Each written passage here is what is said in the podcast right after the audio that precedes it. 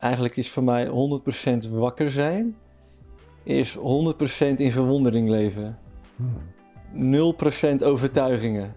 Dat je alleen nog maar een soort wetenschap hebt wie je echt bent.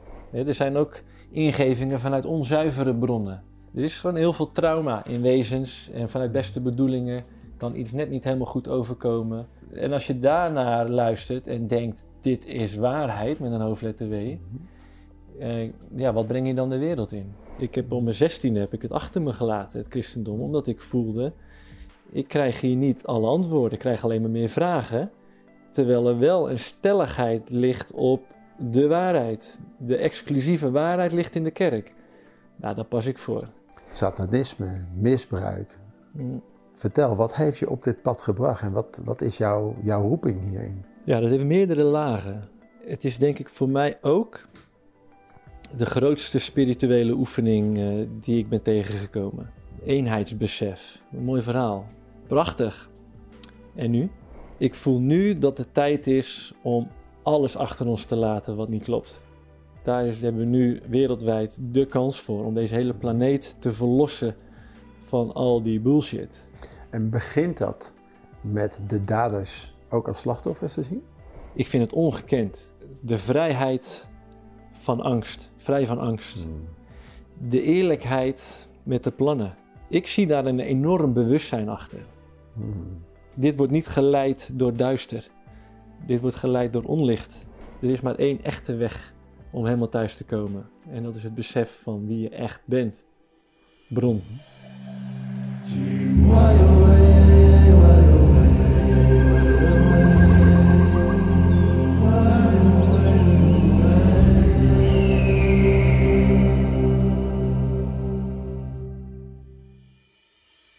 Welkom bij een bijzonder gesprek vandaag. Daar kijk ik in ieder geval naar uit. We zijn hier bij Tijdboek Lumens. Tijdboek Lumens ehm, ja, is opgericht door niemand minder dan degene waar ik zo meteen het gesprek mee, eh, mee aanga. En eh, ik kijk uit naar een bijzonder gesprek. Je kan alles terugvinden op tijdboeklumens.nl. De website en de hele organisatie draait op basis van donaties en boekenverkoop. Dus neem gerust een kijkje op die website en dan eh, gaan we in gesprek met eh, de heer Ferdinand van der Nuit. nou, prachtig. Mooie intro, eh, Maurice. Dankjewel. Graag gedaan. Ik wilde niet te veel over jou vertellen. Ja. Mijn eerste vraag aan jou is: wie is Ferdinand van der Nuit? Oei, oei, oei. Dat is een gelijk een grote vraag. Wie is Ferdinand van der Neut? Ja. Ik, eh, ik was heel iemand anders dan wie ik nu ben, in ieder geval.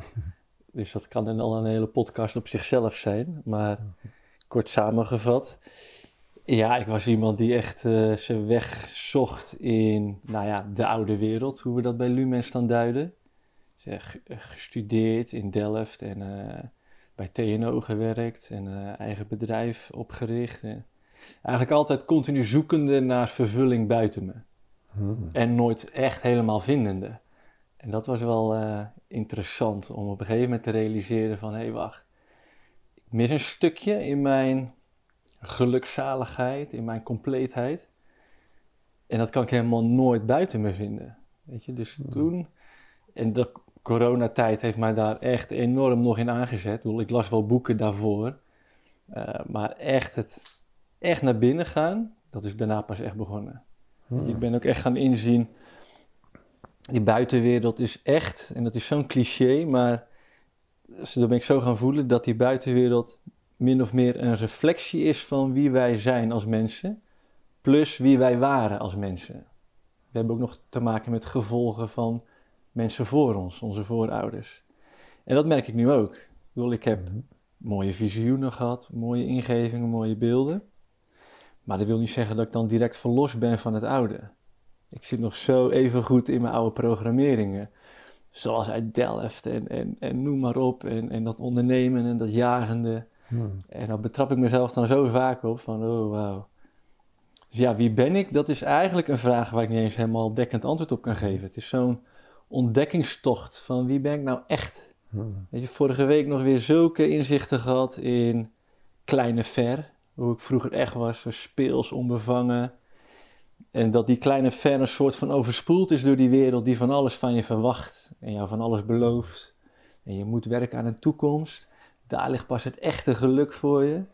Ja, daar ben ik allemaal in meegegaan. Weet je? Dat, en, en ik dacht ook dat dat de weg was. Ik zag helemaal geen alternatief. En nu in deze tijd zijn er zoveel alternatieven zichtbaar van een manier van leven. ehm, waar echt geluk zit. Niet in plezier, maar echt in geluk. Denk, ja, wauw. Weet je, als ik dat toen had geweten. Maar misschien was ik daar toen weer te eigenwijs voor geweest. Maar ehm, misschien als je me die vraag over een jaar nog eens stelt, wie ben ik? Dat ik dan weer een heel ander eh, antwoord kan geven. Nou, ik vind hem, ik vind hem wel interessant.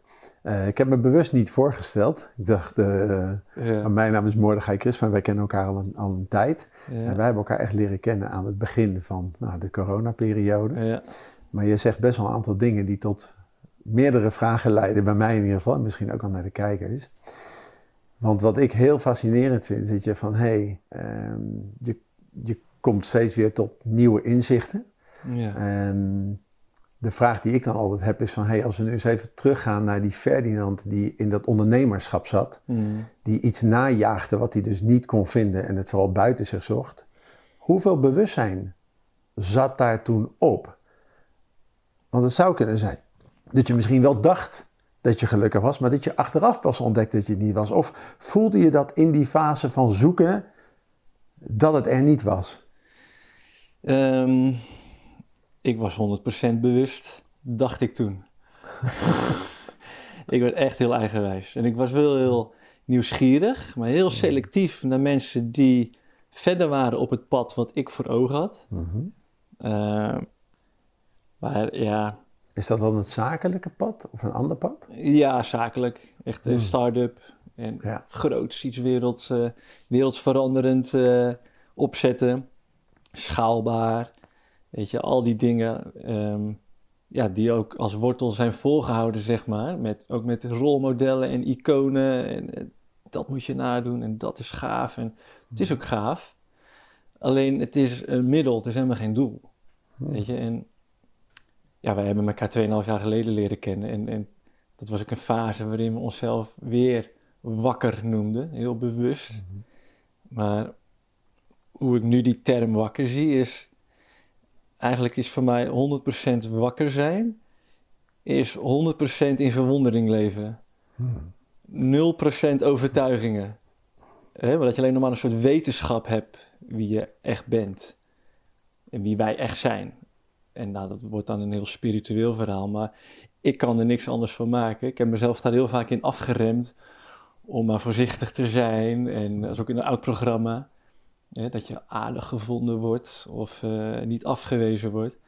Ja, ik kan er niks anders van maken dan mijn verhaal. En als je 100% wakker bent, dat je dan echt weet, niet qua kennis, hè, niet denkt, maar dat je het voelt en weet dat we allemaal één zijn. En dat is voor mij 100% wakker zijn. En nou, dat ben ik zelf ook nog helemaal niet. Weet je, maar als je weet, echt voelt dat je één bent, kun je misschien wel al deels herkennen in als je, als je mensen ontmoet waar je jezelf in herkent. In, wat, hoe ik het voor me zie, is als je helemaal in die staat van eenheidsbewustzijn zit, dat je jezelf in alles herkent. Ook in dieren. Hè? Maar dat we nu stappen aan het zetten zijn die kant op. Ja. En met gelijkgestemd is het al een stuk makkelijker. En dat voel ik dan al deels. Maar ik voel dat steeds meer. Dus dat is een Ja. soort, soort groeiende. En dat ik steeds meer in de rust kom van... hé, hey, wauw, we zijn echt één. Oké, Ja. kan je de kijker of de luisteraar meenemen in wat dat dan is? Want ik kan me voorstellen, ook ik heb wel eens hele bijzondere ervaringen gehad, die niet uit te leggen zijn in woorden. Als jij het hebt over het steeds meer bewust worden dat we allemaal één zijn, wat, wat ervaar je dan? Ja, liefde. Liefde. Ja, ik kan niet beter samenvatten dan, dan het woordje liefde. Dat je echt, gewoon echt als, als met dierbaren in een gezin bijvoorbeeld, hè, of, of met je huisdier, dat je dat dan echt hebt voor wie dan ook. Ja. Ja, ik kan hier een heel poëtisch verhaal over gaan ophangen, Mhm. maar ja, dat. En hoe vaak ervaar je dat?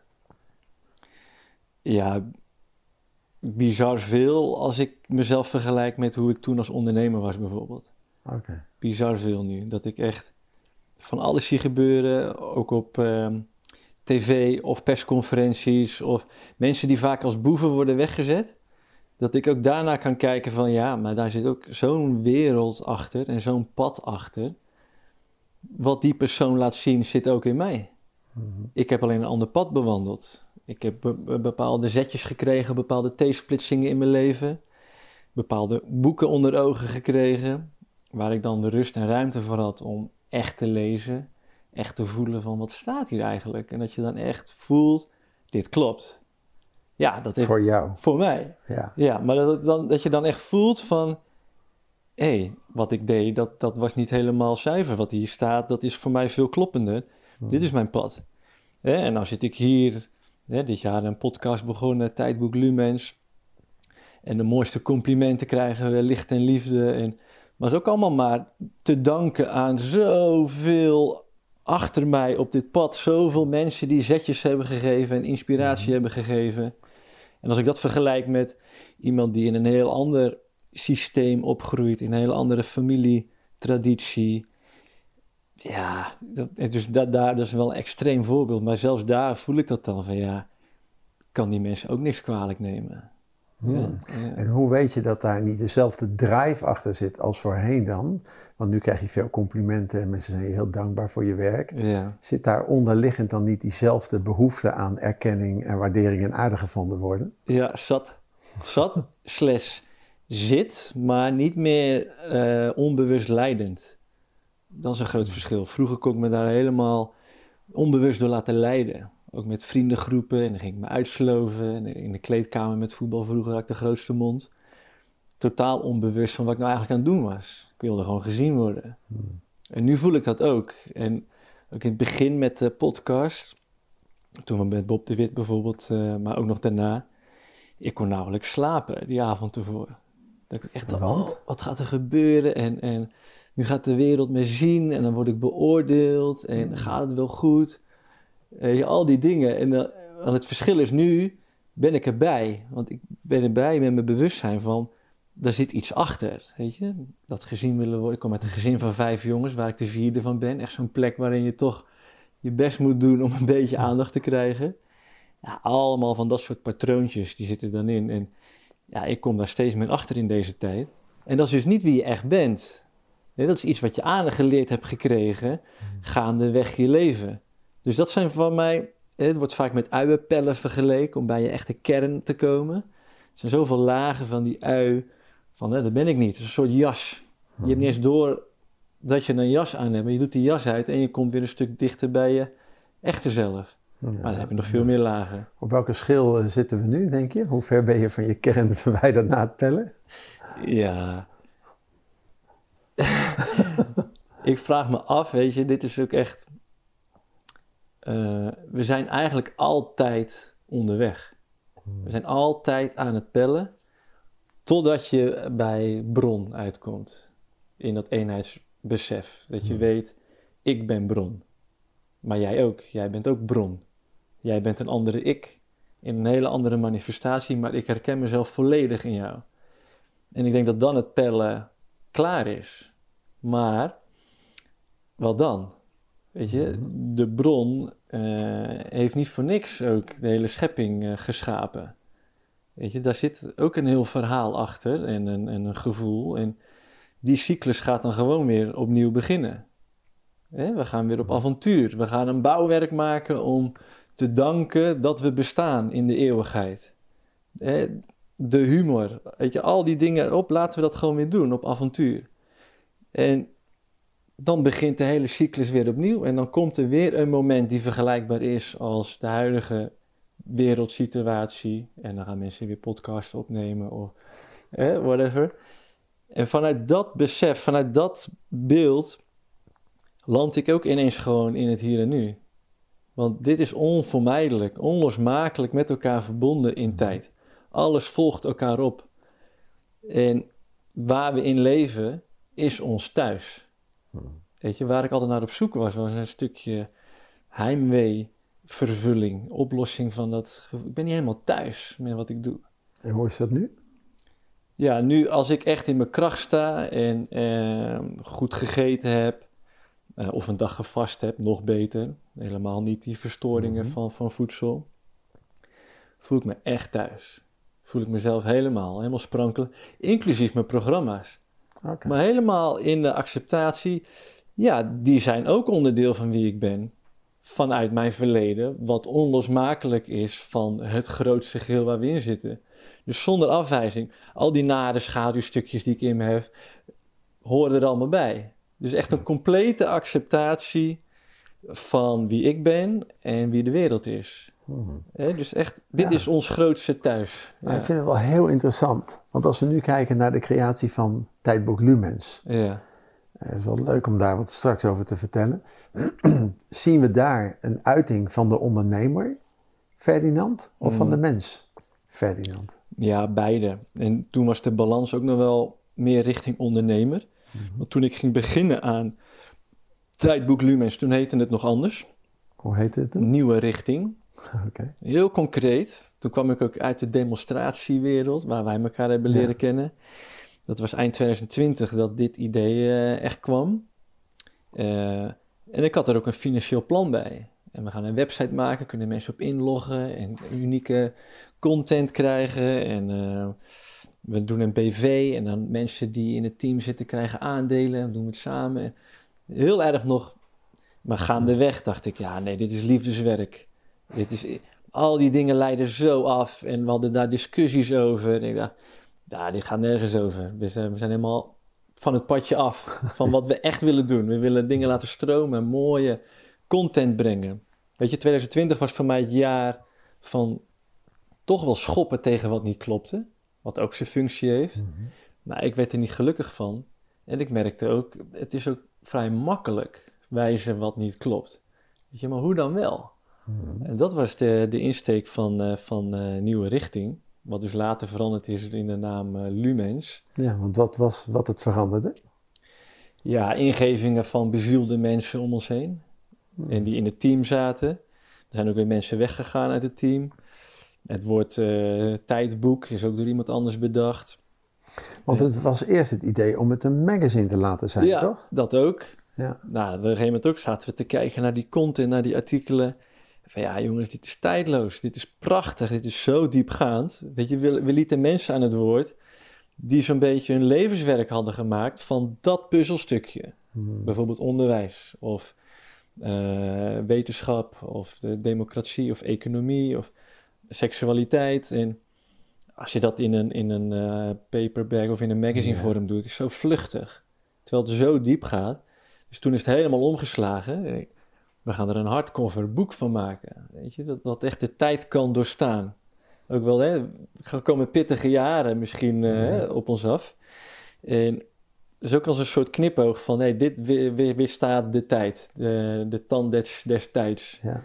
Ehm, ja, zo is het helemaal, zo qua mij, als ik de ondernemer was geweest, was ik heel erg gestuurd, zeg maar, ja, richting een verdienmodel.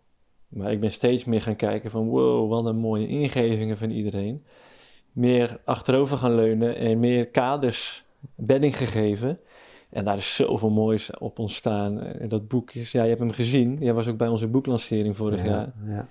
Ja, zo'n kunstwerk. Zoveel complimenten voor gekregen. Komen mensen naar me toe, kun je het signeren? Ik zeg, nou, die eer eh, die durf ik helemaal... Je, Het is niet mijn creatie. Ik heb dan die, dat sneeuwballetje van de berg afgerold. Maar zoveel mensen hebben daar zoveel hartstocht in gestopt. Nee, dat voelt dan te groot voor mij om daar mijn krabbel op te zetten. Dus dat is trouwens nog grappig. Lang antwoord dit, maar goed. Ter vervanging van die krabbel hebben we een 24 karaat gouden stip voor in het boek gezet. Met de hand gezet. Ja. En dat symboliseert waar het echt om draait. De gouden band tussen de mensen onderling. Hmm. Het gaat niet om mij of welke schrijver dan ook. Het zijn allemaal wegwijzers. Weet je, maar uiteindelijk gaat het erom dat we die eenheid voelen onderling. Vanuit onze eigen authenticiteit. En daar proberen we een wegwijzer voor te zijn. Dat mensen die authenticiteit in zichzelf helemaal gaan ontdekken. Al die lagen ervan af. En wat je zegt, waar houdt dat op? Nou, ik denk dat je weet vanzelf wanneer het ophoudt. Ja, want toch hadden jullie een heel duidelijk beeld eh, van meerdere delen. Dat vond ik opvallend, want Ja. ik dacht, nou, je lanceert er één. Dan kijk je wat het wordt. ja. En dat is ook wel de ondernemer in mij die dan denkt van, joh, laten we eerst eens uittesten. Mm. Maar er lag al direct een plan. Hoe is Mm. het daarmee? Want er komen meerdere delen en dat is het idee. Ja, deel 2 heeft als thema waarnemen. Die komt in het voorjaar. Mhm. 21 maart gaan we denk ik een eh festivalletje organiseren om het boek te lanceren. Met cabaret en live muziek erbij. Nou, dat is allemaal ideeën. Maar inderdaad, dat was toen echt... Dat was ook een, een ingeving. Een magazine blijft maar doorgaan. Blijft maar doorgaan. Herhalen. Verwateren. Maar op een gegeven moment is het ook gewoon klaar. Weet je, dit is de laatste podcast van dit jaar. Als ik kijk wat er allemaal al uitgesproken is door zulke mooie, bezielde mensen. Ja, op een gegeven moment is het klaar. Niet alles is ingekleurd, maar voor ons gevoel, weet je, er staat gewoon zo'n mooi kader, zo'n mooi framework. Ja, laten we dan ook lekker met winterstop gaan en even goed voelen hoe willen we verder gaan. Of gaan we het dan weer verwateren met meer van hetzelfde en die moet ook een keer aan het woord. En ja, dus met die boeken op een gegeven moment, nee, we gaan niet een Ja. blijvend iets doen. We doen lekker vijf boeken. Vijf, vijf stuks. En dat idee staat nog steeds. Oké. Vijf is ook een getal van transformatie. Toevallig. Ik doe zo, hè, dat valt dan toe. Maar we willen, eh, editie 3 zal gaan over iets als met leiderschap, mentorschap, maar dan echt dienend. En editie 4 eh, zal gaan over verbinden. Hoe verbind je nou echt met jezelf, met anderen onderling? En de laatste als thema creatie. Hoe gaan we creëren? Wat kunnen we allemaal creëren? Als je dan echt vanuit het eenheidsbewustzijn komt, weet je dat je alles kunt creëren. Deze hele schepping, deze hele wereld, is maar een voorbeeld van wat we kunnen als bron. Ja. En ben je dan overal aan het rondkijken van, hé, hey, die kunnen we wel eens vragen voor dit deel. En hoe gaat dat? Ja, we komen tijd tekort in onze dagen. ja. Nee, het is heel inspirerend inderdaad. Weet je, want je hebt een soort radar aanstaan. Dat nu zo'n framework in je hoofd zit en uitstaat. Binnen het team staat het ook in onze werkmappen, is dat gewoon al zichtbaar.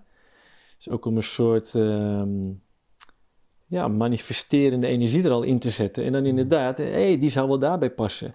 Niet nog bij dit boek, volgende boek. Oh, ja. Weet je, dus op die manier weet je al veel beter in een flow dingen te kaderen.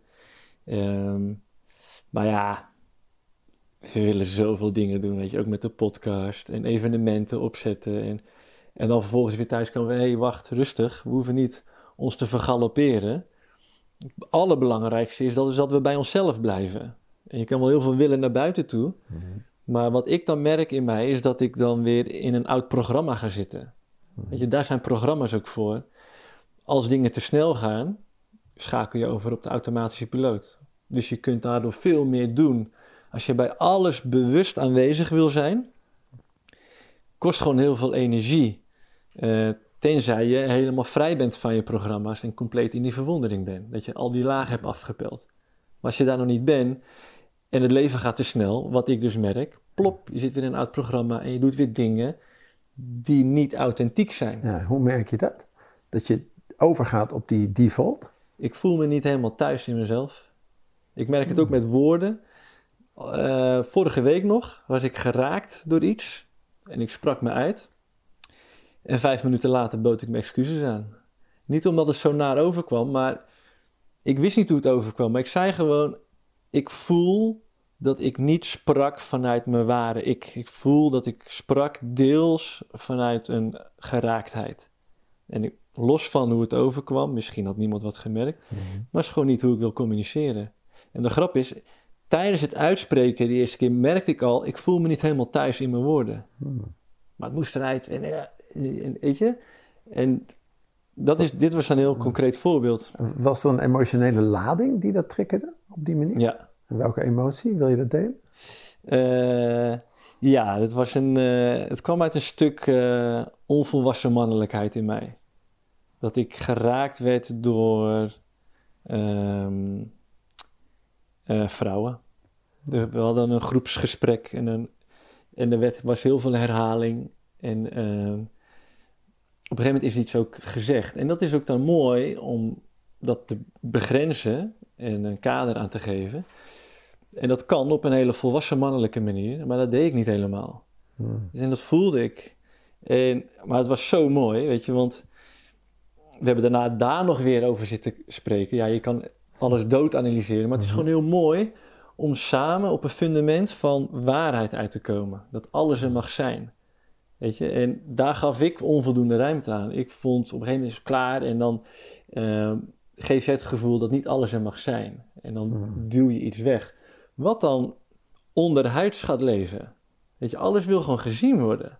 Dat is, alles mag er zijn. En dan weer terug op die cyclus. Alles mag er ook zijn. En weet je, dan zijn we echt thuis. En hoe voelde dat nadat je dat had gedeeld? Heerlijk. Want ik dacht, oh, dan ga ik Ja. weer het woord nemen en dan weer die zwaarte. Moet ik dat wel doen? Ja, dit voelt gewoon goed om erover uit te spreken. En toen ging ik praten, maar ik voelde me helemaal niet zwaar. Toen dacht ik, hé, wacht. Tuurlijk, ik kom nu niet meer vanuit die wond. Ik kom nu echt vanuit pure liefde. En het was zo licht en anderen pikten dat ook op. En ja, dus daarna daar weer over gesproken, hoe mooi dat dan weer was. Ja. Eh, En, en uit liefde voor wie? Of voor, voor het geheel. Voor de ander. Weet je, ik wil een ander helemaal niet kwetsen met mijn woorden. Ik wil trouw zijn aan mijn ware zelf. Mhm. Niet mijn programma's slaafs volgen. Dus ook uit liefde voor jezelf. Zeker. Want als je het niet zou uitspreken, Ja. zou je er misschien mee blijven zitten. ja. En dan misschien bij mensen individueel nog langs gaan. Hmm. Om, eh, hè, want dan, of misschien slaap je. Of, of je spreekt het niet uit. En dan zit toch die energie blijft dan in je zitten. Hmm. En dat merk ik, dat ik zo vaak dingen niet heb uitgesproken. Wat je dan meeneemt de dagen door, de weken door. En als je niet uitkijkt, kun je daar zelfs een ziekte van ontwikkelen. Of je karakter verandert erdoor. Ook weer niet wie je echt bent. Ja. Er zit een verstoring is in jou gaan spelen en blijvend aanwezig. Ja, dat wil ik niet. Ja, hoe vaak komt dat voor? Gemiddeld dat je momenten hebt dat je iets doet waarvan je denkt, hmm, en dat je het direct eh, of verbaal of misschien intern los weet te laten. Want ik denk dat dit wel voor veel mensen heel interessant is. Ja, Eh, ik herken het ook. Ja, Hè, dat je iets doet of iets zegt, dat je denkt, nou, ja, ik parkeer het even, dan ga ik er even op broeden. ja. Dan kijken we later wel hoe. Kan je dat aangeven, hoe vaak dit in jouw wereld voorkomt? Dat je denkt, hmm, direct legen, het lossen, het bijna niet opbouwen van een nieuw karmisch stukje of zo? Mm, ja, ik wou zeggen eigenlijk dagelijks. Hangt er ook vanaf hoe vaak ik contact heb met mensen en op wat voor manier. Kijk, als het, ik, ik heb ook een heel rustig leven voor mezelf gecreëerd. Heel hygiënisch. Weet je, ik heb eh, apps van mijn telefoon afgehaald. Ik spreek niet veel af met mensen. Om mezelf de tijd en ruimte te geven dat de contacten die ik heb, om die in ieder geval zo kloppend mogelijk te maken.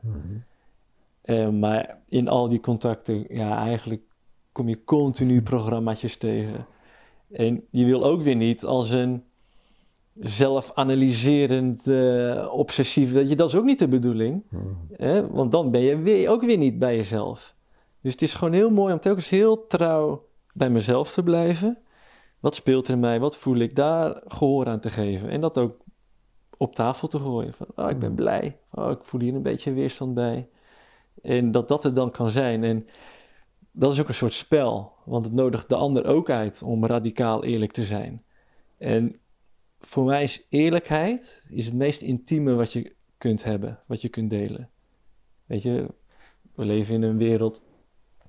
Nou ja, mijn pad met seksualiteit is, vind ik, behoorlijk verstoord geweest. Op basis van externe voorbeelden en, en, en geluiden. En eh, hoe ik in mannengroepen zat, in teams. En ik had er zelf ook vaak het hoogste woord nog in. En gewoon verstoord. Maar dat was mijn, altijd mijn beeld van intimiteit, in ieder geval. Dat dat het meest intiem is wat je kunt delen. Maar daar kom ik nou wel op terug. Voor mij is eerlijkheid het meest intieme, het meest kwetsbare.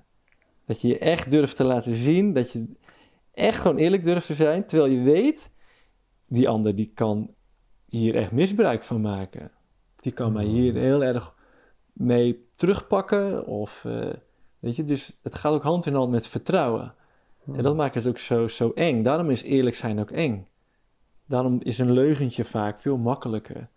Weet je, dat is veilig. En er is nog een verschil tussen liegen eh, en ook waarheid en openheid. Hè?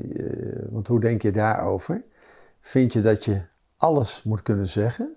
Of zou je soms ook denken van nou, want alles zeggen kan ook heel eerlijk overkomen, maar het kan ook zijn dat je de ander juist beschermt door iets gewoon maar niet te zeggen, terwijl het misschien wel waarheid zou zijn, maar niet alles hoeft open te, open te zijn. Of zeg jij van nee, alles moet altijd gezegd kunnen worden?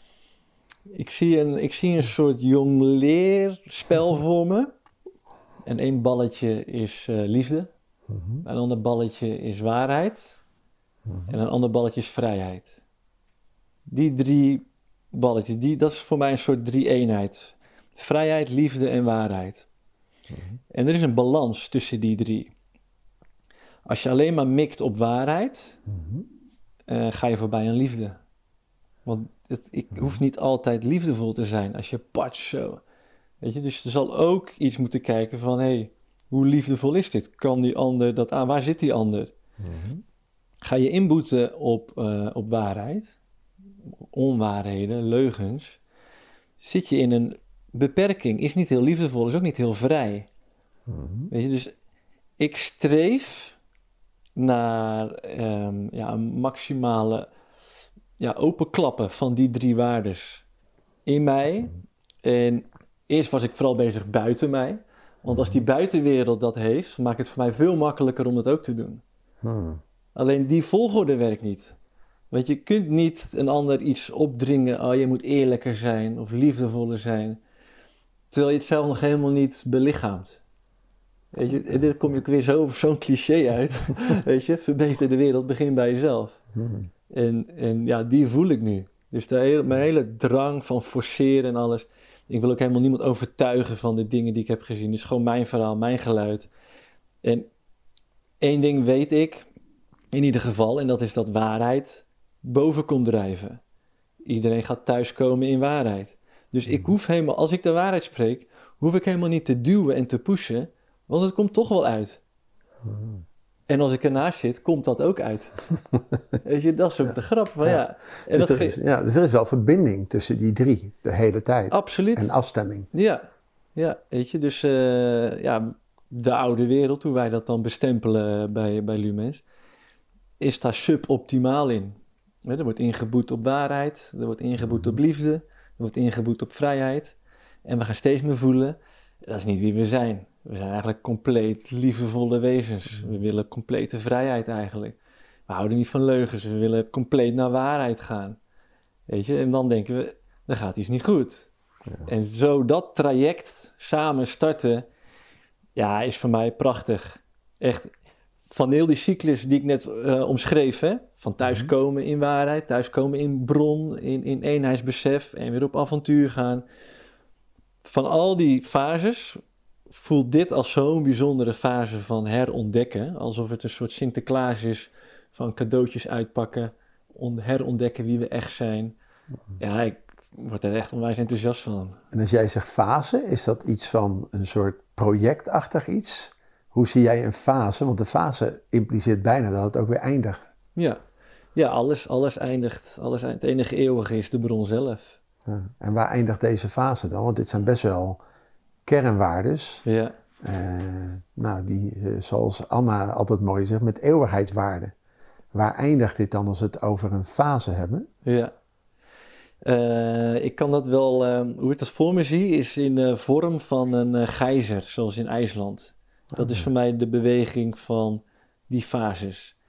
En de tijdsduur uh staat voor mij niet vast, okay. maar de mate van opvolging van de ene fase op de andere. Dat staat voor mij vast. En dit heb ik in een, in een, in een visioen uh, gezien waarin ik één was met alles. Ja, daar gaan we het zo over hebben, want daar ben ik heel benieuwd naar. Ja, nou dat was echt... Telkens denk ik dat ik het meest bizarre life-changing heb gezien. En zelfs die overtuiging mag ik loslaten. Dat, Want het wordt steeds gekker. Die verwondering waar ik in zit wordt steeds groter. En denk oh, dat ook nog, dat ook nog. Telkens wauw, wauw, wauw, wauw, wauw. Zonder drugs.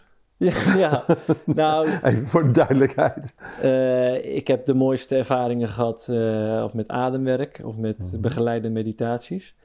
Maar ook met plantmedicijn en kikkermedicijn. Dat heeft mm ook op het menu gestaan. Is dat de Cambo? Of, uh... nee, dat is een andere. maar dat is ook, ook een, eh, een middel om te reinigen. En ze hebben allemaal zo een specifieke doeleinden. En ik ben er best wel ingerold op een beetje freewheelende manier. Van, eh, oh, laten we eens proberen. Oh, interessant. En ja, ik kan wel iets gebruiken. Maar intuïtief, meer een beetje een gokje. Ehm, en dan wel steeds zuiverder ontdekken wat dienend is en wat niet. En daarmee weg in vinden. Ehm, maar goed, weet je, jouw vraag over die fases en hoe lang dat Mhm. duurt. Ehm, ja, ik heb het denk ik net al een soort van gezegd. Hè? Je komt thuis in die bron, in dat eenheid. En daar vind je de echte vrede. Mhm. Weet je, want hoe vredig ben jij als je weet dat er ergens op aarde of in het universum nog iets vijandigs is. Of iets wat nog niet in liefde leeft. Weet je, dan voel je ook, hè, free people, free people. Je voelt vanuit je liefde, oh je wilt daar ook liefde brengen. Maar als alles in vrede zit, hè, dan komt pas echt een nieuwe staat van zijn. En dat is wat ik in een visioen gezien heb. Het is helemaal niet vrede en stilte en rust wat ons, onze basisstaat van zijn is. Weet je, want dat is passief en dat beweegt niet meer op een Mhm. gegeven moment. Dat is gewoon, oké, we zijn er, rustig. Vanuit die rust is er ruimte tot de ultieme realisatie van wie je echt bent. Van wie wij echt zijn. Hier komen we zo op terug. Nog even terug Ja. naar Lumens. Ik keek naar het boek. Ik zag Ja. al die artikelen naar geweldige schrijvers. Mhm. En ik keek naar YouTube. En ik dacht, hé, hey, al die filmpjes, ook op de website van tijdboeklumens.nl. Ik dacht van, hé, hey, is er een bepaalde reden dat jullie niet alle schrijvers ook gewoon in die volgorde Ja, ook aan het woord hebben gelaten. Want ik dacht even van, hé, hey, dat is best wel interessant. Ik lees iets van Bob de Wit. Nou, Bob hebben we heel veel gehoord. Maar er staan best wel schrijvers en ik dacht van, hé, hey, maar ja. dat, is dat loopt niet synchroon. Is daar een reden voor? Eh, ja, dat, dat is anders gelopen. Want mijn ondernemende geest, die had dat plan. Ja, Om het boek ook te promoten. Ja. En als een uithangbord voor het boek. Maar later dacht ik, nee... Ja, dacht ik, dat je dat is ook met het team en met, met Mhm. Katie eh, hebben we heel veel afgestemd over welke gasten, wat is kloppend. En ja, de ene spreker heeft zijn boodschap veel meer verbaal en dat je het Mhm. voelt. En de andere schrijver is veel minder bekwaam in het ver- verbaliseren van die boodschap. En het gaat zo diep en daar heb je een kaarsje voor nodig, een muziekje, een kopje thee en gewoon rust en dat je lekker gaat lezen. Dan, dan komt dat weer veel beter binnen. Dus eh, het vult elkaar aan in plaats van dat het een soort reclame-uiting is voor het boek. Ja. Dus dat is ook helemaal anders gelopen. En, en, en godzijdank, ik vond het echt waanzinnig wat er in de podcast allemaal gebracht is dit jaar. Ja, en toen dacht ik, nu ik de podcast had gezien voor een deel, ik heb ze niet allemaal gezien, Ja. gaan die nou ook allemaal stukjes schrijven in de nog komende boeken? Ehm, deels, ja. Maar ook daar weer voelen we van... hey, heeft dit die eeuwigheidswaarde die past bij eh, het volgende boek? Of vinden we iemand in Nederland of daarbuiten die dat misschien nog beter zou kunnen? Weet je, dus ja, niks staat vast en dat voelt ook heel bevrijdend. Want we hoeven ons nergens aan vast, eh, vast te houden. Nu begon jij het boek. Ik opende het boek en ik dacht, ik ga het natuurlijk even inlezen Ja. over eh, de mogelijke vragen die ik nog meer van jou had. Want ik had best wel een lijstje, want ik ben best wel nieuwsgierig eh, geworden. Mm. En daar staat iets in en dan komen we op dat visioen. Mm. Wat heb jij gezien en in welke mate heeft dat jou gevormd? En twee, heeft dat voor jou de manier bepaald hoe jij door deze tijd heen gaat? Want we komen mensen tegen hè, en we ontmoeten mensen die het ontzettend zwaar hebben. De ene is zwaarder dan de ander. Mm. Wat heeft dat voor jou gedaan? En wanneer was dat visioen? Was dat in deze tijden van grote verandering of daarvoor? Vertel. Eh, begin maart 2020 kwam het grote nieuws in Nederland. Hè, we gaan op slot en paniek. Daar ben ik toen een week in meegegaan. Ik heb me aangemeld bij het Rode Kruis. Eh, ook een van een koude kermis thuisgekomen, hoe die organisatie in elkaar steekt. Ehm, maar Wat, wat, wat wilde je doen bij het Rode Kruis? helpen. Voor alle Iets. mensen die op brancard binnen zouden Ik komen. kreeg dat dacht je. verhalen dat er paniek was en tekort aan van alles. En dus ik heb daar een open sollicitatie naar gestuurd van... met mijn cv erbij. Van nou, dit zijn mijn skills. Eh, eh, zet mij maar ergens neer. Weet je, ik heb er zin in. En toen nog een gesprek gehad met een eh, best hoge manager. Ze vonden dat wel een heel interessant cv. En op een gegeven moment kreeg ik het bericht terug. Eh, laten we weer contact hebben na de coronaperiode. ja. Dus je kan nu weer bellen als je wil. ja, maar ik vond het ook zo raar. En toen een maand of twee daarna kreeg ik een, eh, een, een, een donatieverzoek van het Rode Kruis, zo'n huis-aan-huis eh, ding. Eh, mijn donatie zou levens kunnen redden, stond erbij. Ja, dat schoot bij mij wel in het verkeerde keelgat toen. Van sorry, ik heb me aangemeld en er was helemaal niet zo'n druk en stress. En nu ineens krijg ik eh, van, oh, elke euro telt en kan een leven redden. Vond ik heel manipulatief. En ik wist dus uit eerste hand, ik heb een hele andere ervaring eh, daarmee. Heb je er wat mee gedaan? Nee, wel over gedacht. Zal ik hier eh stennis over schoppen op Facebook? Of wat een verhaal is dit? Maar kan voor zoveel dingen doen. En ik, Mm. ik voelde hem toen niet. Weet je, het is ook... eh, pick your battles, denk ik dan. Ja. Ja. Goed, dat was eh, de eerste week. Ja. En toen daarna ehm, kreeg ik andere inzichten. En met heel veel boosheid daarbij. Van hey, heel veel dingen kloppen niet. Het is Mhm. helemaal niet zo erg als dat gezegd wordt. Ja. En dit mag heel snel genuanceerd worden. Want de paniek is ingeslagen bij de mensen. Was ook bij mij zo. Ehm, Want even, hè, door jouw ervaring bij het Rode Kruis ging jij het in een heel ander perspectief Nee, nee, nee, nee, nee. dat was meer een, een bijding. Oké, Ik ging het in een ander perspectief zien doordat ik eh, podcasts zag met andere Oké, mensen. je ging echt wel breder kijken. Ja. Oké. En ik kreeg officiële cijfers eh, te zien. Hè, de, verwachte sterftecijfer was totaal anders. En het was niet allemaal door COVID, maar ook met COVID. En dan zag ik vanuit de WHO op de website heb ik opgezocht hoe ze daarmee omgaan. Dus als een patiënt in het ziekenhuis ligt met terminaal iets, whatever. En in combinatie met een positieve test of het vermoeden van de arts dat er ook COVID aanwezig is, moet dat als doodsoorzaak COVID zijn. Weet je, dat zijn dingen. Ik heb in Delft gestudeerd. Ik weet hoe je met statistiek kunt werken en hoe je daarmee kunt manipuleren. Ja, ik dacht, dit, dit gaat niet goed. Dit staat zo haaks op wat er verteld wordt vanuit de minister-president, vanuit de media. Ik dacht, dit, hier klopt iets niet. En dan ga je graven. En Ja. dan kom je eens met nog meer verhalen. En ik, Ja. wow. Maar dit zeg je als heel vanzelfsprekend. Ik zie iets klopt niet en dan ga je graven. Ja. Alleen naast jou in die klasse Ja. zaten ook heel veel andere studenten die dezelfde studie hebben gevolgd. Wat is er met al die andere mensen gebeurd? Want dit heeft mij steeds verbaasd. Wat maakt het dat jij iets ziet Ja. en daarna handelt en iets interpreteert en de anderen niet?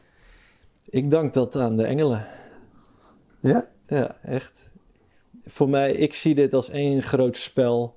En dat de engelen dit voorbereid hebben, zijn gaan testen. En dat zij keuzes hebben gemaakt om alle gezinnen, bedrijven, teams, samenlevingen min of meer te splitsen in overtuigingen. Mhm. En ga het maar oplossen. Hoe wil je met elkaar leven? Nog steeds op die oude manier van strijd en elkaar overtuigen en forceren? Of weet je iets liefdevols te creëren?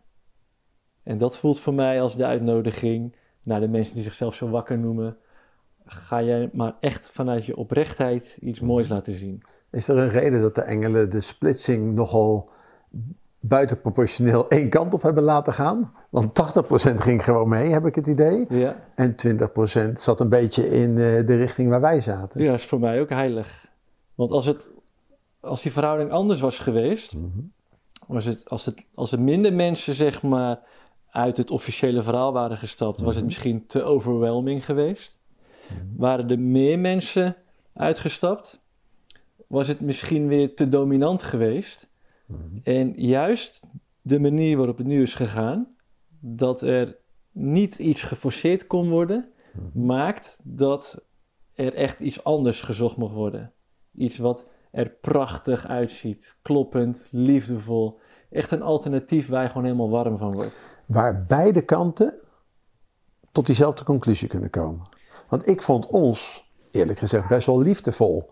Ja, Ik vond de andere kant een stuk minder liefdevol. Hè? Hoe, hoe Ja. eh, gepolariseerd werd en weggezet. En naming en shaming. En hè, aan de kant van de mensen die het niet helemaal eens waren met de maatregelen, had ik wel het idee dat daar soms wat scherpte en boosheid in zat. Maar ik vond wat ik aan de andere kant waarnam, dat ik dacht van, waarom wordt hier zo heftig eh, op gereageerd? Ja. Ja, hoe ik, hoe ik dat zie is dat ehm, deze tijd staat ervoor dat we allemaal thuis gaan komen in eenheid. En zolang iemand niet helemaal oprecht spreekt, niet helemaal waarheid spreekt, voelt een toehoorder weerstand. Klopt iets nog niet helemaal. Hè? Zoek nog maar even door. En daar is deze tijd voor. Het is super geduldig. Ik ben blij dat het niet te snel gaat allemaal. Zodat we echt de kans en de tijd krijgen om te doorvoelen van... Ik was ook niet helemaal oprecht. Er zat ook een stuk boosheid nog in. En onverwerkt kindstuk. En ik wil gehoord worden. Het is niet mijn zuivere, authentieke zelf die aan het woord was. En daar gaat voor mij deze hele tijd over. Dat iedereen die authentieke zelf gaat ontdekken. En dat zijn bloemen. Dus het wordt straks één grote bloemenzee van openklappende mensen die echt vanuit oprechtheid en pure waarheid en liefde naar elkaar gaan kijken van wauw, moet je kijken wie we zijn. Komt dit vanuit dat visioen? Want terug naar het visioen. Wat gebeurde er en wanneer was dat dan? Want maart 20, boosheid, Ja, onbegrip, aanmelding, Rode Kruis, weggestuurd. Je duikt in het alternatieve verhaal. ja. Waar ontstaat dan dat inzicht? Nou, dat was een week daarna. En dat was mijn eerste grote visioen. En ik heb nu... En hoe ontstond dit? Want ik vind dat wel echt heel interessant. Had je iets genomen? Was het in je slaap? Wat, wat was het? Dit was met een ceremonie. Met Mhm. een, eh, in combinatie met een intens doorleefde, doorvoelde intentie Mhm. voor mijn vraag. Waarom doe ik deze ceremonie? Laat mij zien wat ik kan doen. Hè, ik was zo wanhopig, zo boos. Ik moet iets doen, laat mij zien wat. En nou, toen kreeg ik dus van alles te zien. eh, waaronder dat we als mensheid collectief totaal gaan ontwaken in wie we daadwerkelijk zijn. Zo liefdevol, zo telepathisch. Al die dingen die ons kunnen kapen en, en geld en, en, en allemaal geen behoefte meer aan. En ik zag ook de overgangsfase naar die wereld toe. Dat daar heel veel strijd bij gaat kijken. eh, of bij komt kijken. Eh, en dat was een van de rare dingen uit dat visioen. Ik hoefde helemaal niet met die strijd mee te gaan. En ik dacht altijd, we moeten toch iets bestrijden? Het is ook een programma. Zat je toen nog in de strijd? In, dat, in die fase dat je dit nam? Want, Ja, daarvoor eh, Ja. zeker. Ja, ja, en dus dat was ook echt nou ja, een godsgeschenk voor mij om dat los te laten. En ik heb daar heel veel moeite mee gehad. Pas aan het einde van het jaar zag ik, het werkt inderdaad ook niet eens. Het is niet leuk, maar het werkt ook helemaal niet. ik heb jou dit horen zeggen. Misschien, dat heb je ook tegen mij gezegd, misschien hebben we wel de andere kant zo proberen te overtuigen dat we ze alleen maar verder hebben weggestuurd in het narratief. Eh, In mijn privéleven eh, kan ik dat echt constateren. Hmm. Ik heb zitten pushen, linkjes zitten sturen, ehm, waardoor ik er debet aan ben dat mensen dicht zijn geslagen, niet meer open zijn gestaan voor andere geluiden, eh, waardoor zij we- misschien keuzes hebben gemaakt die ze anders niet hadden gemaakt. Hmm. Weet je, en dat heb ik mijzelf aan te rekenen en ik wijs mezelf er niet in af, Mhm. want ik deed het allemaal vanuit de beste intenties. Hmm. Maar nu terugkijkend besef ik me wel, dit is niet de manier. Hmm. Nee. Ja, ja. Wat had je, want je zat in een ceremonie. Wat voor ceremonie? Kan je daar wat over vertellen? Ja, kijk, ik vind het altijd glad ijs om hierover te Mhm. praten. Omdat het een soort promotie zou kunnen zijn of zou- klinken als. Hmm. En dat wil ik helemaal niet. Want ik, ik zie even zo vaak dat er onheilig mee om wordt gegaan. Hmm. Als een soort speeltuin. En oh, laten we dit doen en dat doen. En dat er nauwelijks ruimte is voor echt integreren. Weet je, het laat je iets zien, maar dan. Weet je, en eh, wat je te zien krijgt is ook helemaal afhankelijk van jouw eigen systeem. Ik heb in 2016 een, een ayahuasca-reis gemaakt samen met een vriend. En die kreeg totaal andere dingen te zien dan mij. Eigenlijk kreeg hij te zien wat ik graag had willen zien. Ik kreeg me vooral dingen eh, voorgeschoteld die over mijzelf gingen. Hmm. Waar ik helemaal niet naar wilde kijken. Ja, Veel ik heb, eh, weerstand. ik heb voor de kijkers, eh, ik ken uit persoonlijke bron eh, twee verhalen. één direct en één indirect via iemand anders. ja. Waar mensen ook wel schade hebben opgelopen door bijvoorbeeld ayahuasca. Ja. En, en dat zal ook af kunnen hangen van de shamaan waar je terechtkomt, de omstandigheden, misschien je eigen state of being. Ja. Alleen ik denk wel dat mensen daar inderdaad heel voorzichtig mee moeten zijn. Ja, kijk, het is. ehm, het, het komt ergens vandaan waar er vanuit een bepaalde puurheid mee om wordt gegaan. Het is een duizenden jaren oude traditie. Eh, die shamanen worden van jongs af aan mee opgeleid, doen diëta's om die mensen helemaal te doorvoelen, te kennen. En hier doen mensen, eh, nou, op een mindere, ehm, zeg doorgronde manier dan daar. Wat ook oké is, want het brengt alsnog heel veel. Maar het kan ook zijn schaduwkantjes en zijn scherpe Ja. randjes hebben. Het kan veel brengen. Hè? Het brengt niet altijd heel veel. Het kan Ja. ook heel veel schade brengen. Ja, ja. Ja. Dan ben ik wel geïnteresseerd. Want kijk, we hebben het net steeds over een stuk naar binnen. Naar binnen. Hè? Het Ja. komt allemaal van binnen. Mijn persoonlijke idee over eh, ayahuasca of kambo, of eh, champignons en paddenstoelen, is toch een middel buiten jezelf. Want als we dan goddelijke wezens zijn, Hmm. Hè, dan zegt de een, ja, maar al die middelen zijn juist op aarde achtergelaten, zodat wij. En tegelijkertijd denk ik, ja, maar als je al die goddelijke middelen tot je had moeten nemen, dan was je er waarschijnlijk wel mee geboren. ja. Het is een middel buiten jezelf. Hoe zie jij dat? Want als de weg vooral naar binnen ligt, ja. waarom dan al die externe prikkels waar je uiteindelijk de mooiste visioenen mee krijgt? Dan denk ik, ja, het is wel iets van buitenaf gegenereerd. Ja. ja, ik denk ook dat het op aarde gedropt is om ons te helpen. Mhm. eh, als een katalysator. Eh, maar niet noodzakelijk. Voor mij persoonlijk heb ik wel het gevoel dat het noodzakelijk was. Want ik zat echt vast. Ik was echt mind, overtuigingen en ik wist het allemaal wel. Eh, en dit, ja, dit, dit laat je zo'n andere realiteit zien. En nu, ik kan het ook met ademwerk of met een begeleide meditatie. In diezelfde staat komen, zeg maar. Ja, en dan ook echt beelden krijgen eh, die ik nu vertrouw.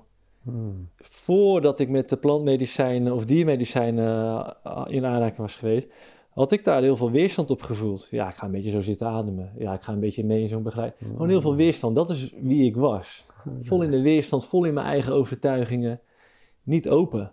Weet je, dus voor mij is het zoveel opengebroken waar ik ontzettend dankbaar voor ben. Ik, ik voel echt dat ik mijn leven daaraan te danken heb nu. Weet je, dus voor mij is het echt heilig. Dus ik wil ook niet zomaar gaan zitten promoten van... oh, doe even lekker eh, die, die, die mushrooms, de golden teacher... En, eh, en, en kijk wat er van kan komen. Zo wil ik er echt niet mee omgaan. Dus ik, ben, ik vind het altijd een beetje glad ijs om erover te vertellen. Het is geen geheim, mensen mogen dat weten. Ik heb ook al vaker over verteld. Maar het mag wel echt eventjes binnen deze kaders gebracht worden. Van ja, er zitten risico's aan. Doe het vanuit een zuiverheid. Er kunnen prachtige dingen uit ontstaan. Er kunnen ook bad trips uit ontstaan die misschien helemaal geen bad trips zijn. Maar ja, gewoon echt even laten zien dat je er totaal naast zit met hoe jij jezelf ziet, de wereld ziet, hoe jij je pad inricht. Wat dan heel vervelend is, en dat noem je dan een bad trip, wat je dan misschien wijst naar het medicijn. Maar misschien is het medicijn hartstikke dienend voor jou op dat moment. En heb jij gewoon echt iets aan te kijken. Ja. Jij bent ook gelovig opgevoed. Je bent ook gelovig.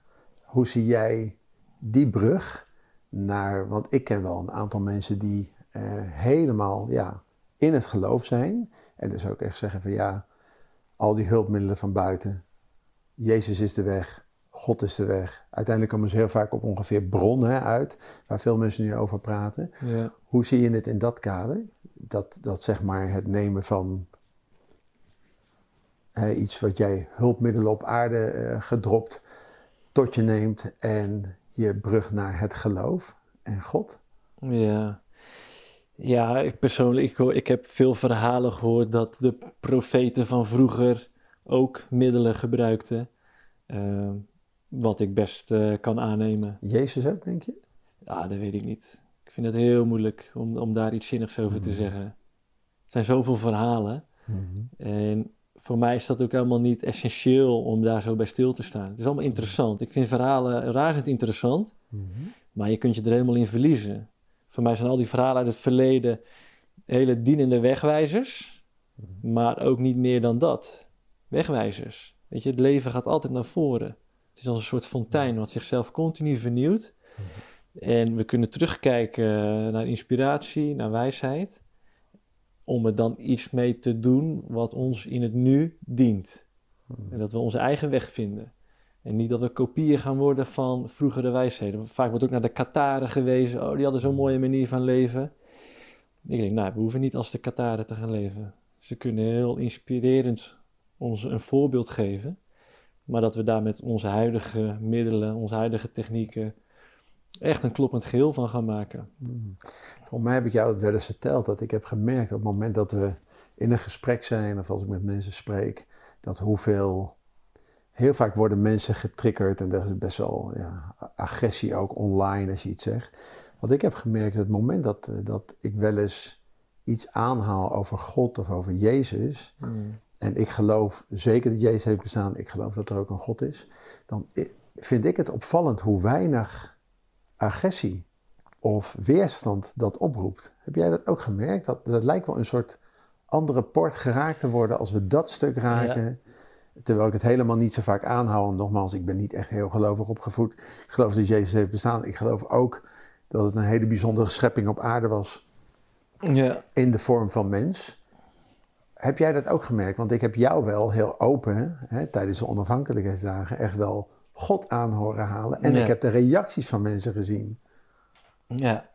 Nee, het valt mij ook op. En ik vind het altijd weer spannend om erover te praten. Het lijkt wel alsof ik eh, dan intap op een soort collectief trauma op dit thema. Want er is zoveel oorlog, terrorisme, misleiding, misbruik geweest vanuit Gods naam.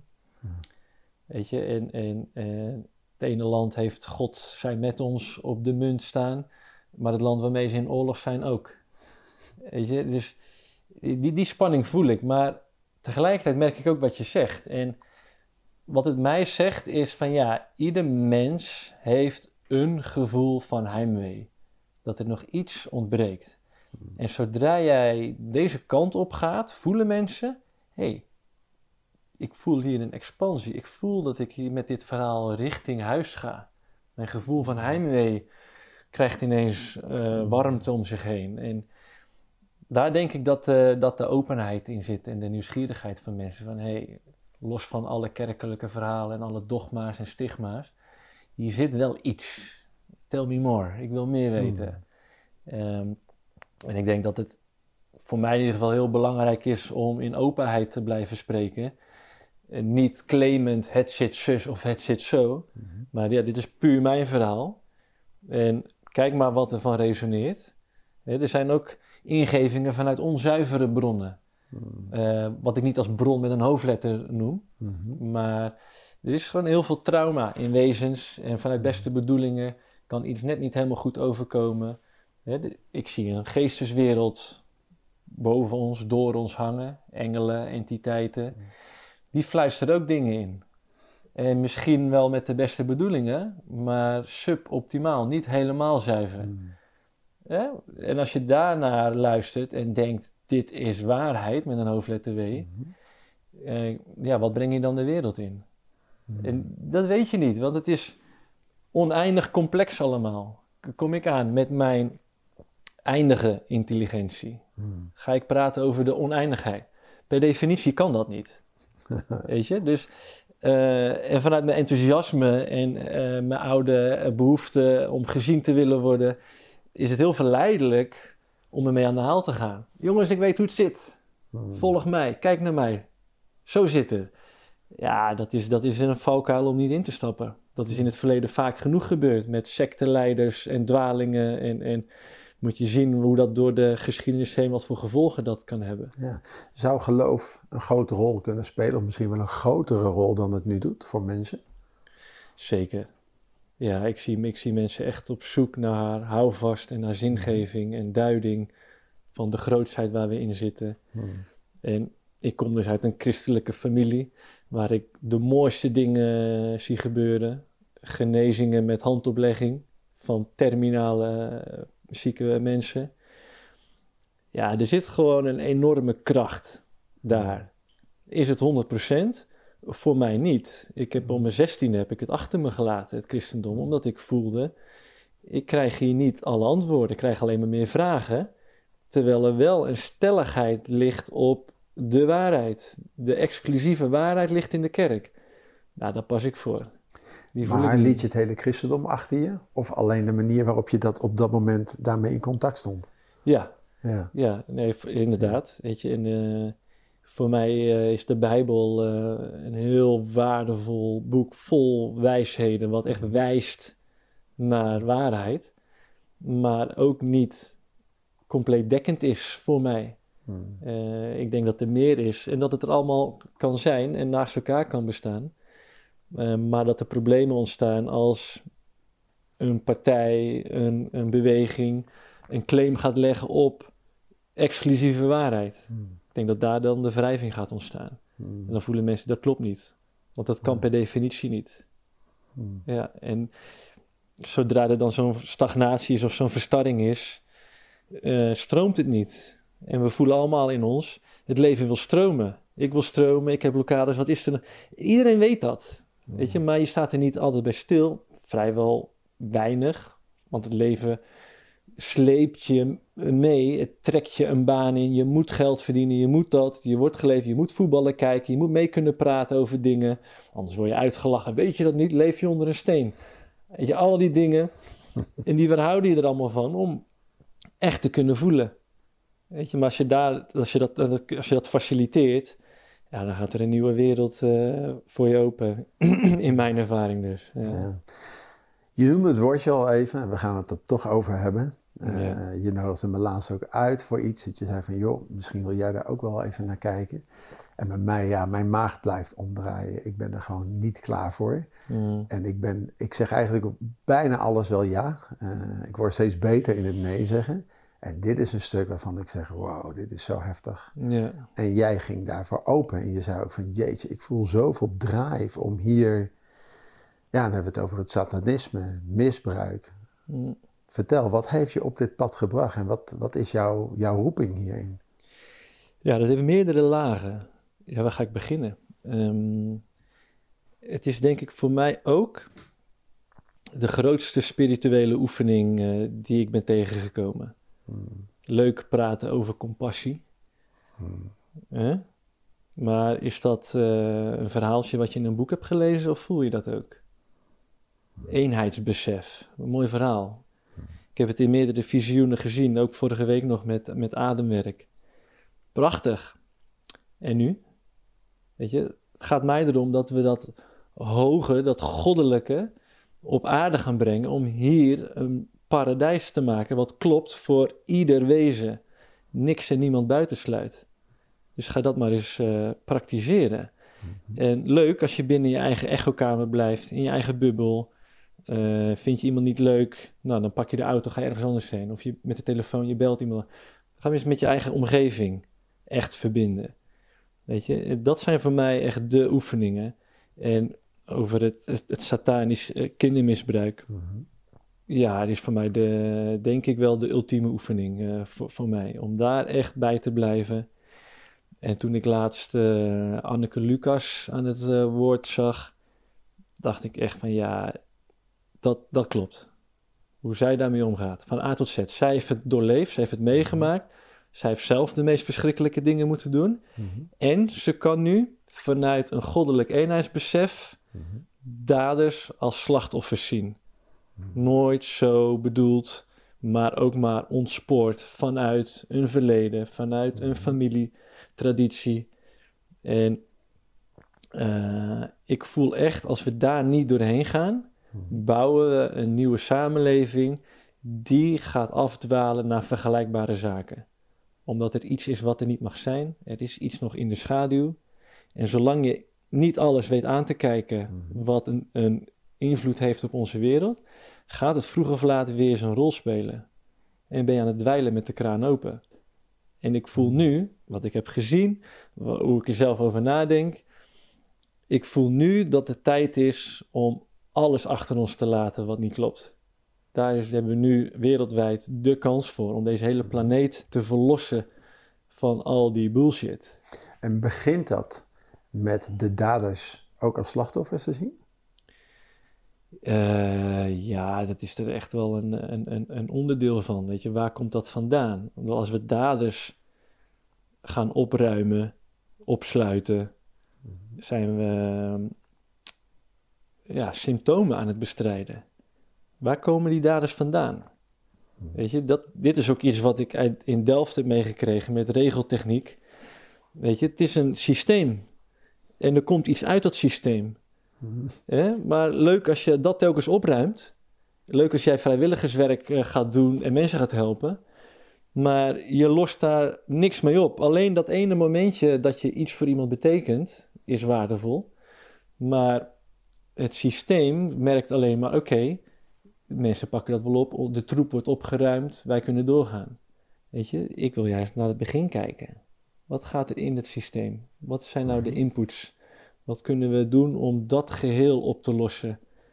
Weet je, want ik eh, voel dus dat ieder wezen is van bron gemaakt. Ieder wezen heeft een heimwee naar huis toe. En probeert dat in te vullen op manieren die voorhanden zijn. Dus de een komt in een machtige familie met geld. Die gaat op die manier proberen. En dat gevoel van expansie, meer macht, meer geld, doet je ook herinneren aan thuis. Want daar is oneindige macht, almacht, alles kunnen creëren. Weet je wel wat dat voor herinnering is die in jouw systeem zit, in jouw zijn. Dat zit in jou, die herinnering aan thuis. Die, die, die vrijheid, die geld je kan brengen. Maar eh, iedereen probeert dat maar. En ik, hoe ik dat zie is dat ook daders daar ook lost in zijn. Dan ga je er dus van uit dat die daders eigenlijk allemaal iets anders zouden willen in de kern dan datgene wat ze doen. Ja, Ben je daar echt van overtuigd? ja. Zou het ook anders kunnen zijn? Eh, Zou het denk, pure kwaadaardigheid kunnen zijn? Hier op aarde nee, gekomen en geen redding meer mogelijk? nee. Daar ben ik. ehm, ik voel heel sterk dat iemand echt zo afgedwaald kan zijn dat hij met onze middelen niet meer te redden zou zijn. qua overtuigingen. Dat, dat, dat er mensen zijn die zoveel naars gedaan hebben. En van overtuigd zijn tot in iedere vezel dat er geen weg meer terug is. Dat elke link eh, qua bewustzijn naar iets anders, naar liefde, weg is. Maar ieder wezen is gemaakt van niks anders dan bron. Hè, voordat de schepping bestond, er was niks anders dan de schepper. Er was alleen maar dat enkelvoudige bewustzijn, wat in staat is tot alles. Dus ook zichzelf afsplitsen. Die schepping is gemaakt van bewustzijn. Er was niks anders dan bewustzijn. Dus dat is vertraagd, gestold, propjes gemaakt, atoompje, je, lekker die schepping bouwen. Dus je kunt niet van God los zijn. Je kunt wel denken dat je van God los bent met je bewustzijn, maar iedere vezel in jou is bewustzijn, heeft een link naar de bron. Dat is hoe ik er tegenaan kijk. Dus iemand kan er zelf helemaal van overtuigd zijn. Zelf voel ik, en dat is ook wat ik heb gezien in, in beelden, die onvoorwaardelijke liefde, die overspoelt je en je bent helemaal vrij. En dat kan met iedereen gebeuren volgens jou. Ja, Ook de meest kwaadaardige, althans lijkende kwaadaardige Ja. wezens op aarde. ja, ja. Interessante visie. Ik denk dat dit voor veel mensen, ook voor mij, lastig is. Als je hoort hoe, hoeveel kwaadaardigheid, Ja, je gewoon de verhalen hoort, dat je denkt, dit kan gewoon niet waar zijn. Dat zelfs ik op het punt kom, terwijl ik echt tegen doodstraffen ben en alles, dat ik denk, nou, misschien is het wel goed dat er misschien toch voor dit soort wezens ja. iets bestaat om. Terwijl ik ook wel weet van, nou, als het er echt op aankomt, eh, heb ik ook geen idee. Ik heb die kennis niet, maar ik vind dit een hele lastige. Ja, ja. Wat, Ja. wat was het in jou? Heb jij wel eens, want ik kan er dus ook heel moeilijk heen, merk ik. Hè? Hmm. Ik merk, mijn taak is nu nog een andere. Ik zeg bewust nu nog, hè, ik weet niet wat de toekomst brengt. Wat was het voor jou dat je naar dit stuk één kon kijken en ook echt bewust ging kijken en ook echt nou ja, je, je, ik heb gesprekken met jou uh, en anderen gezien hierover. Hmm. Ik echt merk, je, je, ja, je zet echt het licht op vanuit jezelf. Wat was dat? Was dat een ommekeer of een, een proces? Ja, ik heb uh, altijd het tegenovergestelde gevoel gehad. Waarom hebben andere mensen dat niet? Hmm. Weet je, voor mij, wat iemands beroep of roeping ook is, weet je, voor de kinderen zorgen we samen. Altijd. Mhm. Als hier een kind langskomt en die heeft hulp nodig, heb je geen twijfel, weet je, dan, dan Mhm. help je. Dat, dat voel ik heel sterk. Maar niet iedereen heeft, heeft dat blijkbaar, of tenminste die, die expliciete roeping om met dit stuk Mhm. aan de gang te gaan. En ik denk dus dat dat te maken heeft met mij, met vorige levens, waar ik nooit mee bezig ben geweest. Eh, Ik hoorde wel heel veel andere mensen aan bezig zijn, aan regressietherapie. Mhm. En vlak voor onze podcast met Maarten Oversier Ja. had ik ineens een spontane regressieervaring. Mhm. Wat heel emotioneel was. Echt heel emotioneel. Echt als een klein kind zitten snikken. Mhm. Ehm, en toen voelde ik ook, ah, daarom was ik nooit zo met vorige levens bezig. Er zit echt een weerstand op, omdat daar nare dingen gebeurd zijn. En ik denk dat ik in dit leven ook hier ben om daar iets in te balanceren. Zoals Maarten dat eh, kan duiden. Mhm. Ja.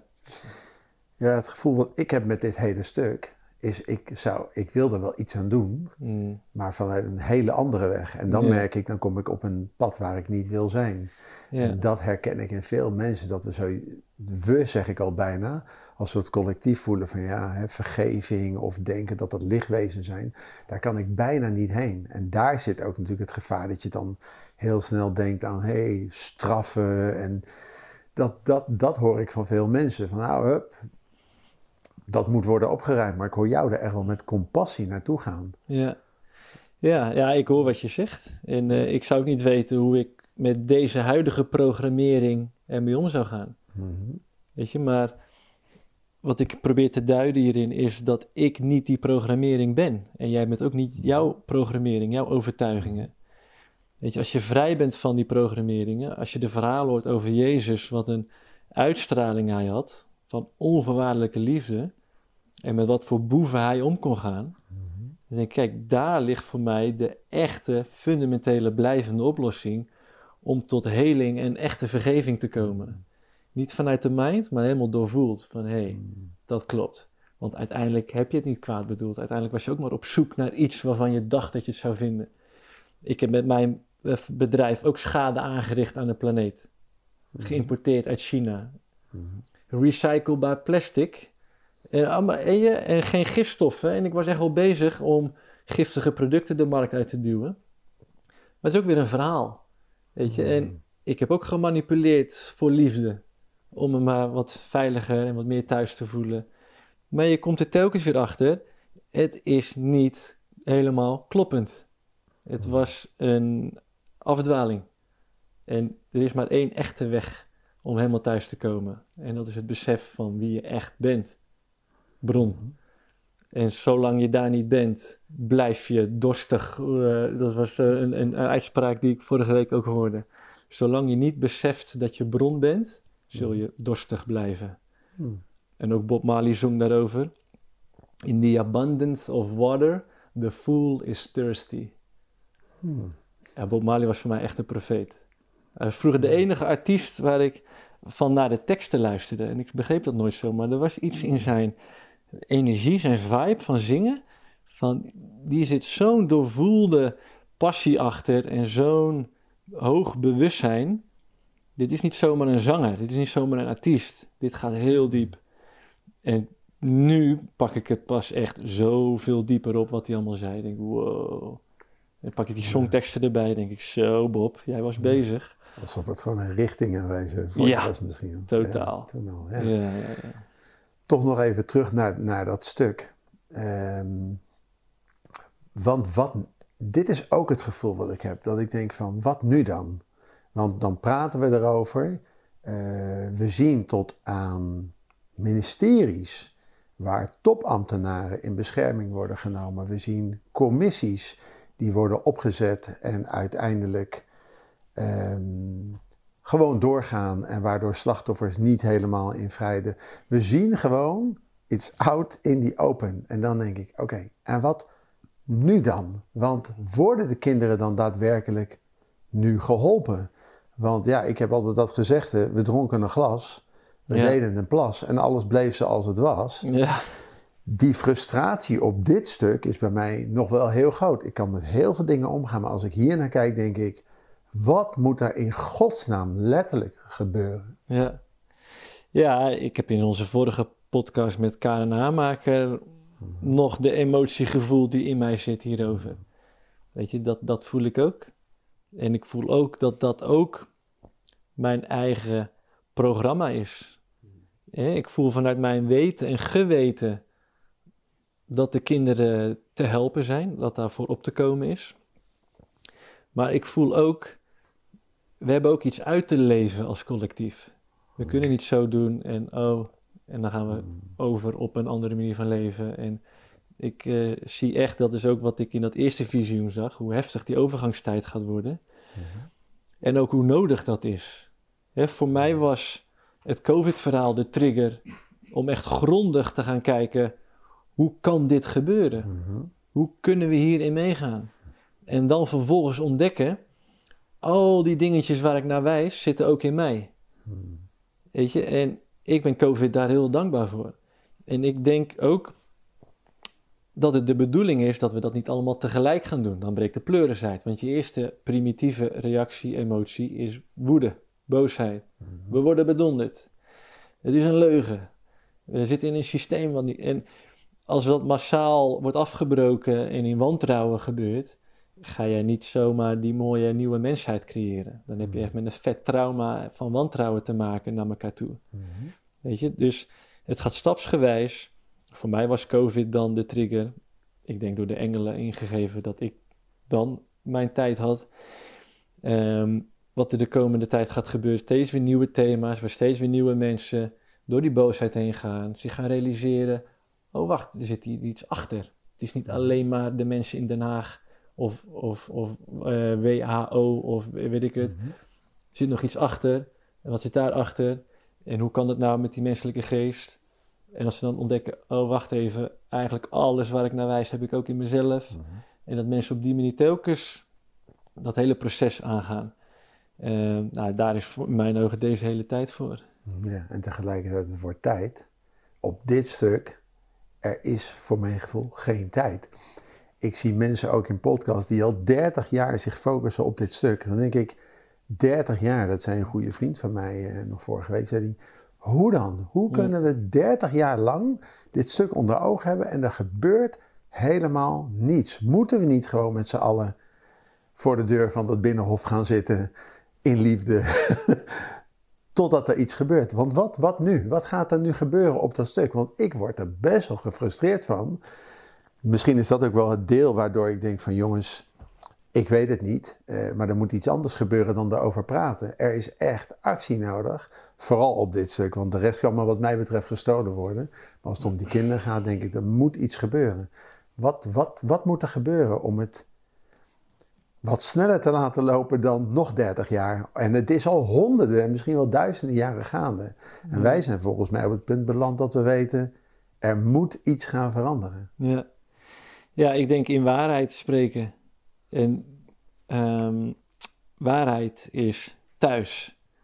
En zodra er iets van strijd zit of manipulatie in woordkeuzes, voelen mensen, een grote publiek, dat er iets niet helemaal klopt. Ze kunnen het niet duiden, maar ze hebben gelijk.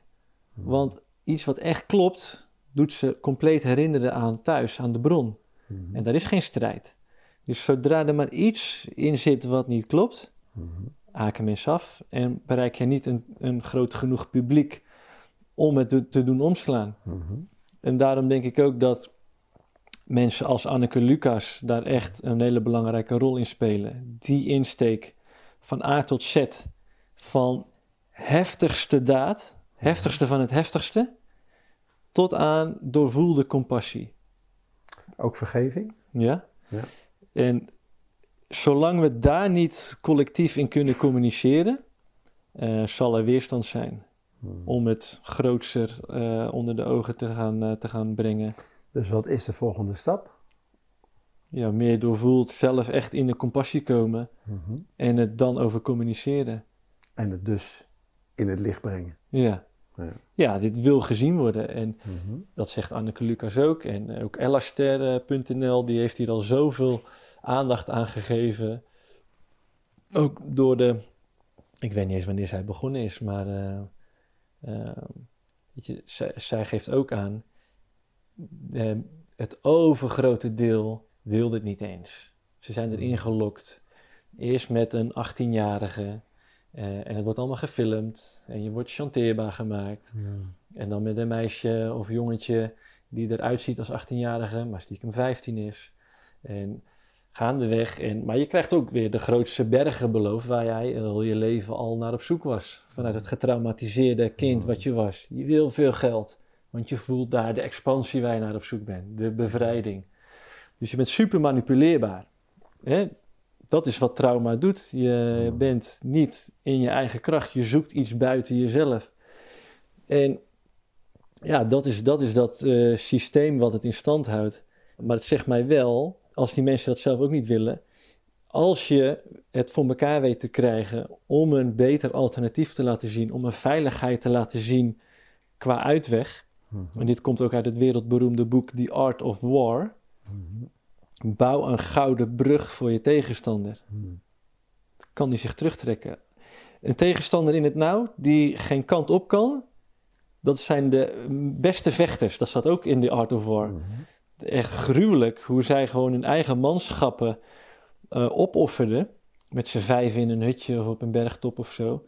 Dat ze weten, ze hebben geen uitweg. Ze kunnen alleen maar vechten om te overleven. Dat zijn de beste vechters. Ja. Nothing to lose. Ja. Ja, niks te verliezen. En als wij zo omgaan met mensen die wij als vijanden bestempelen, maak je borst maar nat. En kom niet aan met je manipulatietechnieken van we gaan jullie vergeven jongens, we gaan jullie vergeven, geef je maar over. En dan de kop eraf. Hè? Eh, je wordt al van mijlen ver eh, gespot. Weet je, dit, deze mensen zijn ook doorgewinterd in dingen waarbij wij maar net komen kijken. Weet je, het, het karmische, kosmische bewustzijn wat je bespeurt in die contraien, in die, re- in die eh, regio's. Ik vind het ongekend. Eh, de vrijheid van angst, vrij van angst. Mhm. De eerlijkheid met de plannen. Ik zie daar een enorm bewustzijn achter. Mhm. Dit wordt niet geleid door duister. Dit wordt geleid door onlicht. En dit is ook iets wat ik in een visioen een keer heb meegemaakt. Eh, een voorstel om voor het onlicht te gaan werken. En dat was voor mij echt eh, schrikken. Aan jou gedaan. Ja, Oké. en ik wilde dat niet. En achteraf besef ik mij, dat was mijn ego die dat niet wilde. Mhm. Ik wil eh, bij de good guys horen, Mm. licht en liefde praten. Maar ik heb gezien dat mensen voor mij een andere keuze hebben gemaakt. En dat duister zijn gaan infiltreren. Waardoor, en je bent super krachtig als jij in een eenheidsbesef zit. Mhm. Je bent uit die dualiteit. Je staat boven mensen die daar nog zitten. Dus die verlichte wezens, verlichte mensen, die zijn dat donker te gaan infiltreren. Die hebben de touwtjes in handen. Die laten satanisten eh, lekker hun, eh, hun ding doen om zichzelf op te blazen. En de, ehm, de eerlijkheid is nodig, omdat anders eh, het, het karmische stuk tegen ze gaat werken. En dat weten ze van, hé, hey, we moeten het in openheid blijven brengen. De vrije wil moet worden gerespecteerd. Juist. Mhm. En als de mensheid het niet oppakt, heeft het ook geen bestaansrecht.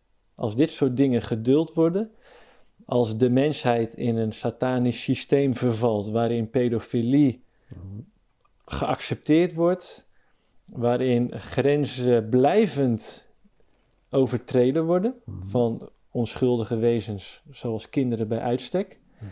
houdt het op. En wij zitten al lang niet op dat pad, heb ik gelukkig gezien. Maar het deel van de mensheid wat daar niet uit weet te stappen, gaat dat niet redden, gaat dat afleggen. En wat gaat daarmee gebeuren? Ja, dat is. eh, kijk, als je praat over, over dood, zit ook zoveel ehm, associaties op van einde. En, Mhm. Weet je, maar dood van dit lichaam is een transformatie. Weet je, jouw moleculen worden gerecycled, gaat alweer in een ander leven zitten. En vanuit het eenheidsbesef weet je, er gaat helemaal niks dood. Er is alleen maar ervaring, we zijn alleen maar op avontuur. Hè? Die zielen overleven het sowieso als jouw lichaam doodgaat. Ehm, en dit is ook niet misschien heel populair eh, dat ik dit zeg, want het lijkt dan alsof ik dingen bagatelliseer. Maar ik hoop ook dat wel in mijn verhaal duidelijk is hoe heilig dit is. Dit is ons thuis. Maar als die mensen voor het duister hebben gekozen, of welk pad dan ook, dan komt het uiteindelijk, uiteindelijk voor iedereen dan toch wel weer goed Ja, in jouw beleving. Ja. Of niet? ja, Oké. ja. Kijk, Ze, eh, ze leggen alleen een ander pad af. ja. En echt aan het einde van dat pad is een eh, massale ontwaking van een feest van herkenning. Waarin we echt in de lach schieten. Wat we allemaal hebben geloofd, wat een onzin. Wat we allemaal dachten te moeten doen om thuis te komen. Terwijl dat al lang in ons zat. En dat is de grap. Dus altijd daarheen gekeken. Terwijl je achteraf ga je weten, ik wist dit altijd al. Gaan we het volgend jaar meemaken in dit leven? Ik heb een keer een datum gezegd voor de grap. Die ben ik alweer kwijt. Maar eh, ik heb, het was heel concreet dat ik dit ga meemaken. En dat het helemaal niet iets is van 100 jaar of 200 jaar. Maar echt iets is van jaren. En weet je, het, het bewustzijn van mensen is met elkaar verbonden. En je ziet al dit soort gesprekken, steeds meer openheid. Eh, ik heb laatst bij jou eh, bij die onafhankelijkheidsdagen een praatje gehouden over God.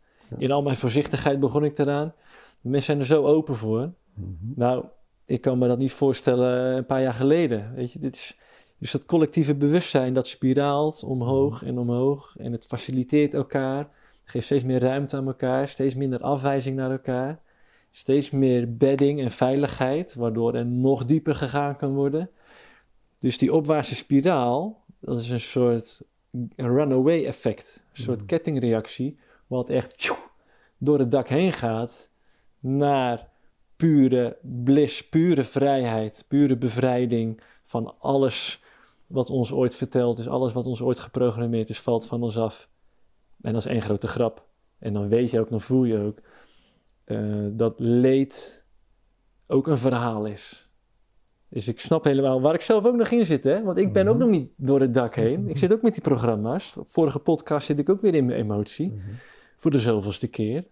Weet je, dan zie ik ook weer mezelf van ja, ik zit daar ook nog, weet je. Maar daar hebben we ook elkaar in eh, nou, te helpen en, en te horen dat het er mag zijn. Ja, en het is, eh, dit proces is in gang, wereldwijd. En ik kijk ernaar en ik geniet. Ja, Ik vind het een mooie afsluiting. Dankjewel voor dit gesprek, man. heel mooi. Ja, dank je. dankjewel Mordechai dat je de tijd hebt genomen om, eh, om hierheen te komen. En eh, ik had met jou al een goede klik al 2,5 jaar geleden. En ik word wel eens als een ja, zweverig of een verhaal. En jij bent lekker geaard. Weet je, jij staat open voor enerzijds dit soort verhalen. Maar ook weer aan je vragen. Vandaag ben ik ook weer van, tjuk, oké. In het aardse dan. En dat, dat voelt voor mij ook heel belangrijk om die twee met elkaar te koppelen. Dus eh, Mm. heel blij dat je er was. Nou, dank jullie wel voor het kijken. Eh, je kan alles terugvinden op tijdboeklumens.nl. Eh, de hele organisatie draait vooral op basis van donaties en boekverkoop. Ehm, ik heb iedere keer het boek in handen met het, toch het gevoel dat het een ander boek is dan welk ander boek dan ook. En dat komt onder andere door die mooie gouden stip zoals je hebt gehoord. Dus tot de volgende uitzending. Nou, eh, beste mensen, bedankt voor het kijken naar dit eerste seizoen van de Tijdboek Lumens podcast. Eh, voor mij is het mindblowing geweest. Dat was ook wel te merken eh, meerdere keren, denk ik. Ehm, nu gaan wij lekker met winterstop. Ook om het seizoen te volgen, zoals ook in ons boek in een podcast naar voren komt. Om ja, echt meer in lijn te leven met het leven. En nou, wij willen wel woord bij uh, daad voegen en niet alleen maar mooie praatjes ophangen en vervolgens zelf iets anders doen.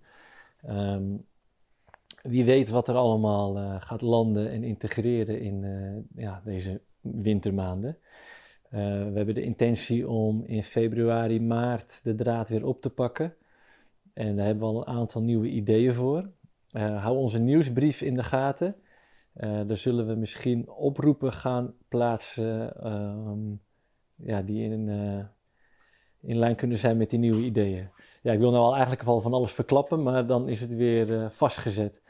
Dus we gaan het zien. Ehm, ik hoop jullie in het voorjaar weer terug te zien. En ik wens jullie een hele mooie tijd.